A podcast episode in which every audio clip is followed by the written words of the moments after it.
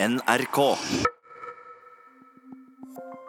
Du skrur på vannkrana på badet eller på kjøkkenet, og det skjer bare rett og slett ingen verdens ting.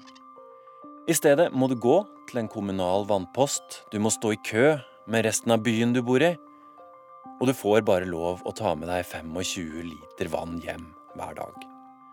I tillegg blir køen og vannposten passa på av væpna politi for at det ikke skal bli vold, kaos eller uroligheter. Det høres ut som ei scene fra en science fiction-film, men sånn kommer det til å bli i Cape Town i Sør-Afrika i løpet av våren. Og sånn kan det bli mange andre steder på kloden i åra som kommer. Krig og fred. En podkast fra NRK Urix. Into my bathroom, which is an intimate space that we struggle to talk about and the space that presents the most problem. So, what I do, I pee in this container. You can see it's a perfectly ordinary yogurt container. I like it because it's oval. It's a perfect shape for feminine thighs. Her har vi ei dame som lar det gå sport i å spare på vannet. Helen Moffat bor i en enebolig i utkanten av Cape Town, og hun tisser i et yoghurtbeger i stedet for å skylle ned i do. Is, is switched on to the municipal system. That means that to flush it, you are flushing treated drinking water. Drinking water, this is a dry country. Du kan dra ned i do hvis du gjør bommelom, for å si det sånn. Eh, Men du kan ikke dra ned i do hvis du har tissa. Eh, Det er liksom hovedregelen, da. Jeg heter Ida Titlestad Valbakk, eh, og jeg studerer internasjonale relasjoner ved Universitetet i Cape Town. Og jeg er i permisjon fra NRK Dagsrevyen. Ida, hvordan opplever dere denne vannmangelen i Cape Town? Ja, det er klart eh, det er mange her som eh, har begynt å bli stressa nå. eh, Etter at myndighetene gikk ut og sa at det ikke kommer vann ut av kranene nå etter den 11. mai. Jeg tror nok at det tok litt tid før folk faktisk eh, skjønte at det var sant, meg inkludert. For jeg tenkte at det kommer vel ikke til å skje. Det er liksom for eh, drøyt. Eh, Men nå har jo myndighetene sagt at sånn blir det, og da har folk eh, virkelig innsett at de må ta grep. Så folk hamstrer tørrsjampo og antibac og våtservietter. Og innimellom så er butikkene tomme for femlitersdunker for vann. Så du ser virkelig at folk har eh, sett alvoret i situasjonen. Og så merker jeg det jo i hverdagen min. Eh, Jeg er jo student ved universitetet her i byen, og på doene her så står det sånne små skilt da, hvor det står If it's yellow, let it mellow. If it's brown, flush it down. Um, ja, det begynner liksom å bli litt ekkelt òg, da. Men foreløpig er det altså vann i kranene når du skrur på krana. Foreløpig er det vann i kranene hjemme og sånn i hvert fall. Men eh, på treningssenteret der vi var i dag, så har de skrudd av håndvaskene. Så der kan man ikke vaske seg. Og det er bare mm, sånn antibac eh, i de såpebeholderne. Og dusjene har de jo stengt av, så det er fire dusjer, og to av de har de satt sånn bånd, nesten liksom politibånd over. Um, og de to resterende, der går det av sånn pipelyd da, hver gang du har dusja i ett minutt. Så da er det liksom på tide å komme seg ut. Uh, og jeg har jo hatt tilfeller med folk som rett og slett har gått til ledelsen på treningssenteret hvis de har sett andre eh, i garderoben som har dusja for lenge. Ja, Hva gjør det med stemningen i byen, da? Nei, det gjør jo at eh, folk eh, begynner å tenke veldig på hva de skal gjøre den dagen det faktisk ikke kommer vann ut av eh, springen. Eh, Det er jo sånn at Myndighetene kommer til å sette opp 200 vannposter rundt omkring i byen. Og Da er det 5000 mennesker som skal kjempe om hver sånn post. Eh, Og Folk lurer på hvordan de skal få det til. og Noen bedrifter har jo til og med lagt opp til at ansatte skal ha forskjellige arbeidstider, sånn at de kan kunne fylle vann og hente vann til seg og familien sin. Eh, sånn at det ikke blir sånn rushtrafikk hver dag klokka fem, så skal liksom 5000 mennesker hente vann. Men kan det føre til uroligheter? Det er jo snakk om at disse vannstasjonene, vannpostene som skal åpnes, må voktes av politiet for å unngå kaos og uro også? Ja, og det er det mange som er redd for, fordi at det er en by med veldig veldig høy kriminalitet. Eh, og mange frykter også det at hvis folk mister jobbene sine i ja, hoteller, restaurantbransje, så må de finne andre måter å tjene penger på. Eh, og at det derfor kan bli mer kriminalitet. Man frykter også det at fordi at mange bedrifter har sendt ansatte til andre byer, at eh, store hus vil stå tomme. Og at det kan bli enda flere innbrudd i byen som følge av at folk mangler mangler en inntekt, og at kriminaliteten vil øke. Og på vannpostene, selvfølgelig. Jeg merker jo det selv når jeg dro Jeg drar jo og fyller vann um, på en post utafor byen. Og da drar jeg jo før det er mørkt. Uh, passer på det. Det er klart, Folk begynner å bli mer aggressive i disse køene. Det kan stå hundrevis av mennesker i kø for å få tak i vann. Så det er noe folk eh, frykter framover hvis det blir dag null her i Cape Town. Men hvem har skylda for at det har blitt sånn, da? Nei, Det er jo mange her som syns det er flaut, rett og slett. At eh, Cape Town har kommet til den situasjonen. Og det er flere journalister jeg har snakket med som sier at dette har myndighetene visst i flere år at kom til å skje. Det er nasjonale myndigheter som har hovedansvaret for å gi vann til innbyggerne. Men de har altså ikke satt i gang tiltak, og det er jo da bl.a. pga. korrupsjon og inkompetanse. Ting som har gjort at man ikke har hatt råd til å mm, gjøre noe, eller tatt seg råd til å gjøre noe. Og så er det også lokale myndigheter som har satt i gang for seint når de så at nasjonale myndigheter ikke gjorde nok.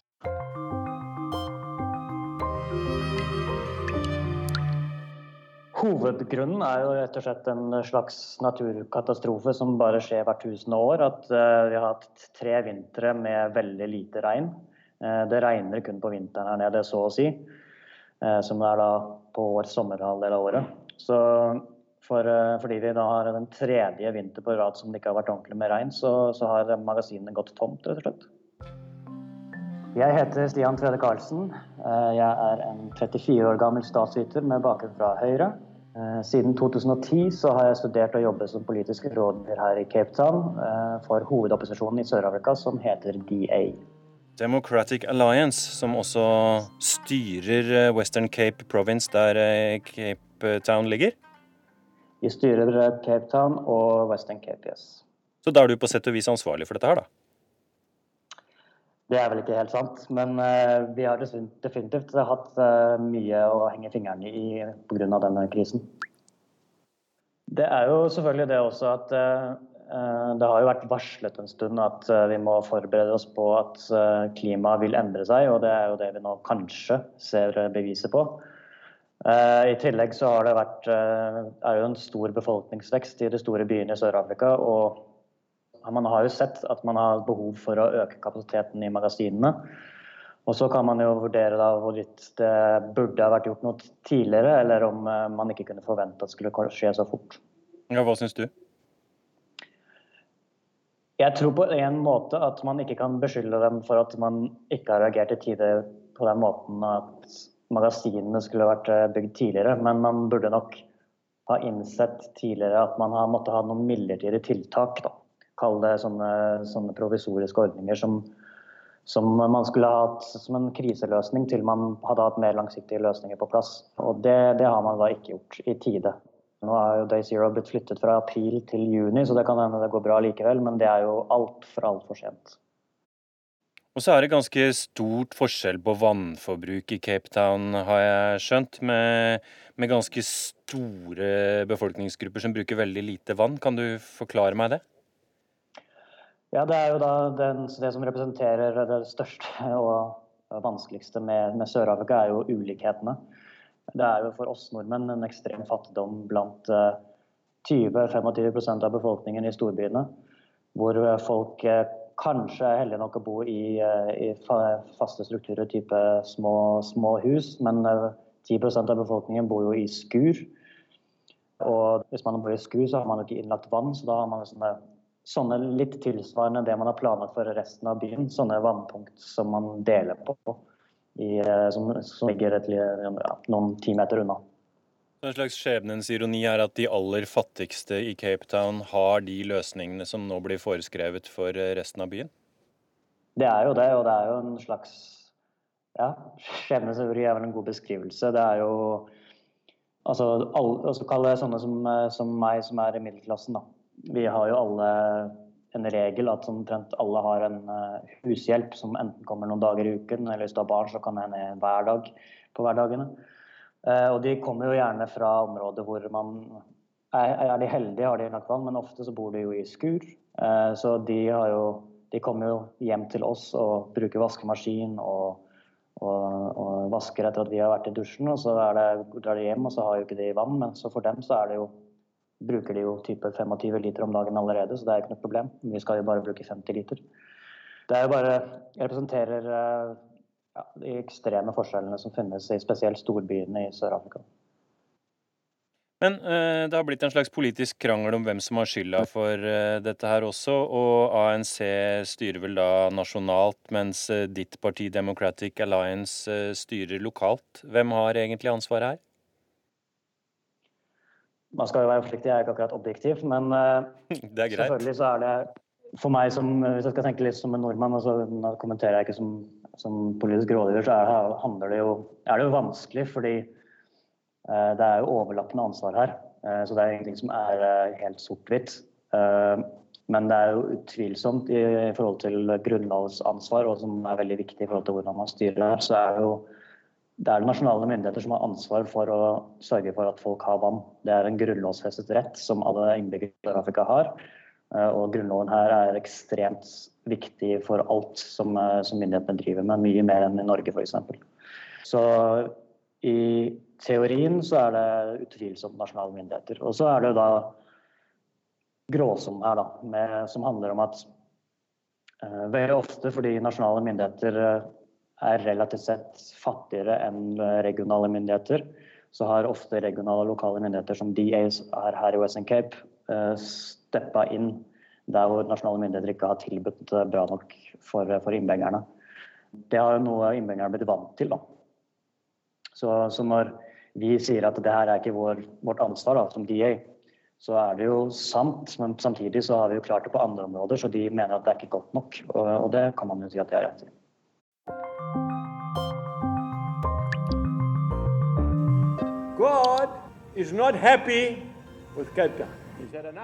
Guds vrede er eh, predikanten Angus Buckens enkle forklaring på vannmangelen i Cape Town. Han mener innbyggerne i byen ikke kan gjøre noe annet nå enn å be og angre på sine synder. Crime, murder, disrespect for human life, prostitution, alcoholism, drug addiction, racialism and hatred.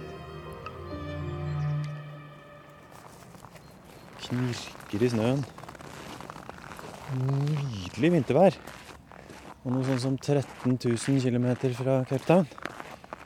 Her sitter ekspertisen, vet du. Jeg tror at vi kommer til å se flere nyheter om vann i årene som kommer. Fordi det er Én årsak er at klimaendringene spiller en ganske vesentlig rolle for eh, vannressursene våre. At man har økende press på vannressurser i forbindelse med økende forbruk og økende forurensning. Så er det helt klart at det kommer til å bli mye mer konflikter og mye mer kamp om det vannet som faktisk finnes. Men er det sånn at det egentlig er nok rent vann til alle på kloden? Altså, vannet er jo, Det er jo en syklus, og vannet er jo en gitt mengde. Så det er jo noe om hvordan vi behandler dette vannet. Og jeg tror at eh, ja, det er nok vann til alle. Det handler i stor grad om hvordan vi fordeler det vannet, og hvordan vi behandler det vannet. At vi ikke forurenser det vannet vi har, og at vi bruker det vannet vi har, på en fornuftig måte. Og at vi fordeler det Eh, så rettferdig det lar seg gjøre. Jeg heter eh, Synne Movik. Jeg jobber som førsteamanuensis i miljøplanlegging ved Institutt for by- og regionplanlegging eh, ved NMBU på Ås. Og så har du skrevet doktorgrad om vann i Sør-Afrika. Ja, vannforvaltning, altså vannredistruering i Sør-Afrika, for å være litt mer presis. Jeg så på vannreformen og hvordan man prøver å redistruere vann til de som ikke har hatt vann tidligere under apartheid. Ja, for du er opptatt av at vann er politikk? Ja, det er jeg i høyeste grad. Og jeg mener også at vann er i høyeste grad politikk i Cape Town. Og det er mange akademikere og aktivister i Cape Town som peker på at dårlig politisk ledelse er en del av årsaken til at krisen er så dyp som den nå er. Har du eksempler på andre steder som kan komme til, eller har vært i nærheten av å oppleve det samme som Cape Town nå gjør? Ja, man snakker jo f.eks. at uh, Johannesburg kan være i uh, risikosonen. Nå er det slik at Johannesburg får mesteparten av vannet sitt fra Lesotho, uh, som er et land som er helt Altså som ligger inne i Sør-Afrika, så det grenser jo kun til Sør-Afrika. Eh, nå snakker man om at det er ganske lave nivåer i dammene i Lesotho også. og Man spekulerer i om ikke det samme som skjer i Cape Town, også kan komme til å ramme Johannesburg. Og Johannesburg er jo en millionby, og det er også i dette området Gauteng eh, at det er veldig mye industri som befinner seg, så det vil jo også ramme økonomisk ganske hardt hvis det skulle skje. Men hvis vi skal prøve å se litt sånn grovt på resten av verden, da. Eh, hvem er det som har størst problemer med å skaffe nok vann? Ja, Det er kanskje et litt vanskelig spørsmål å svare på.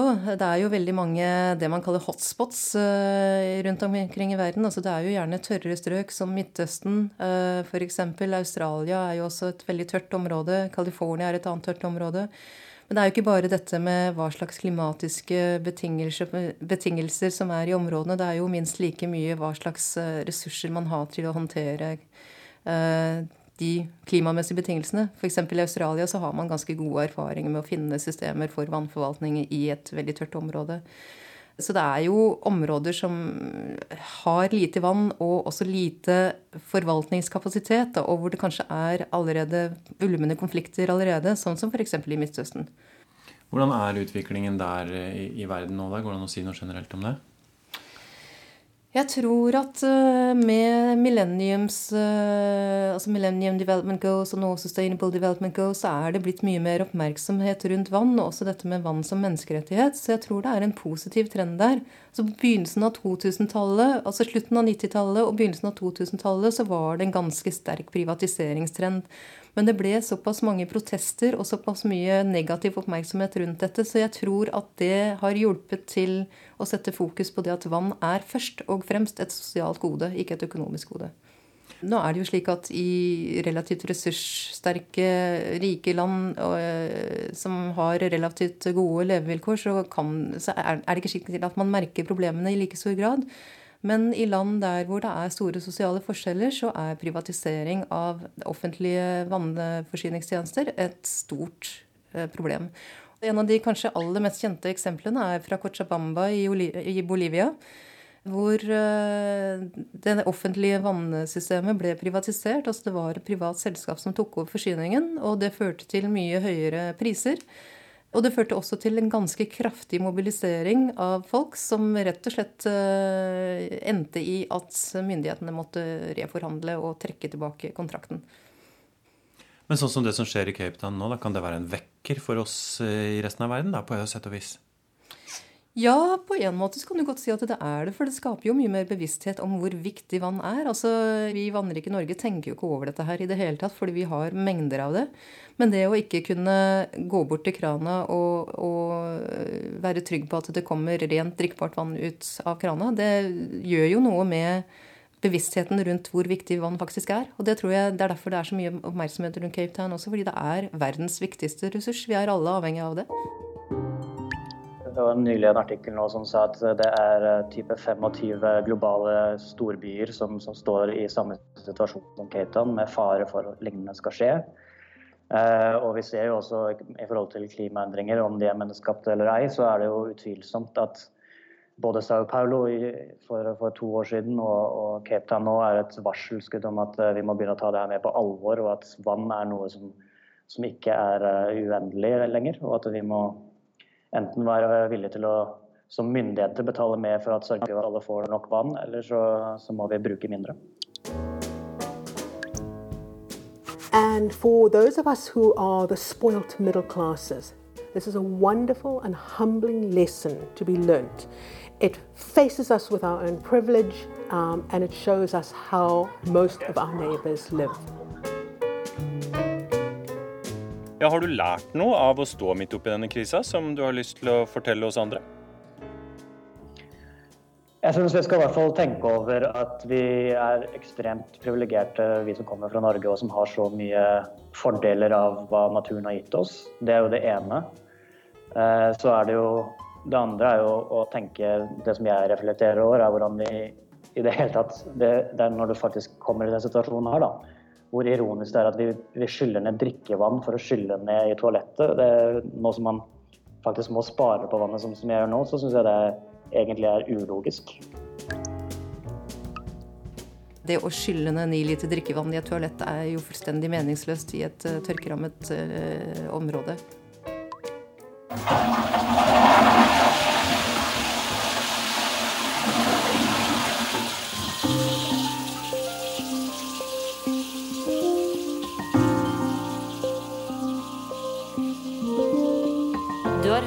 Podkasten Krig og fred med Tore Moland.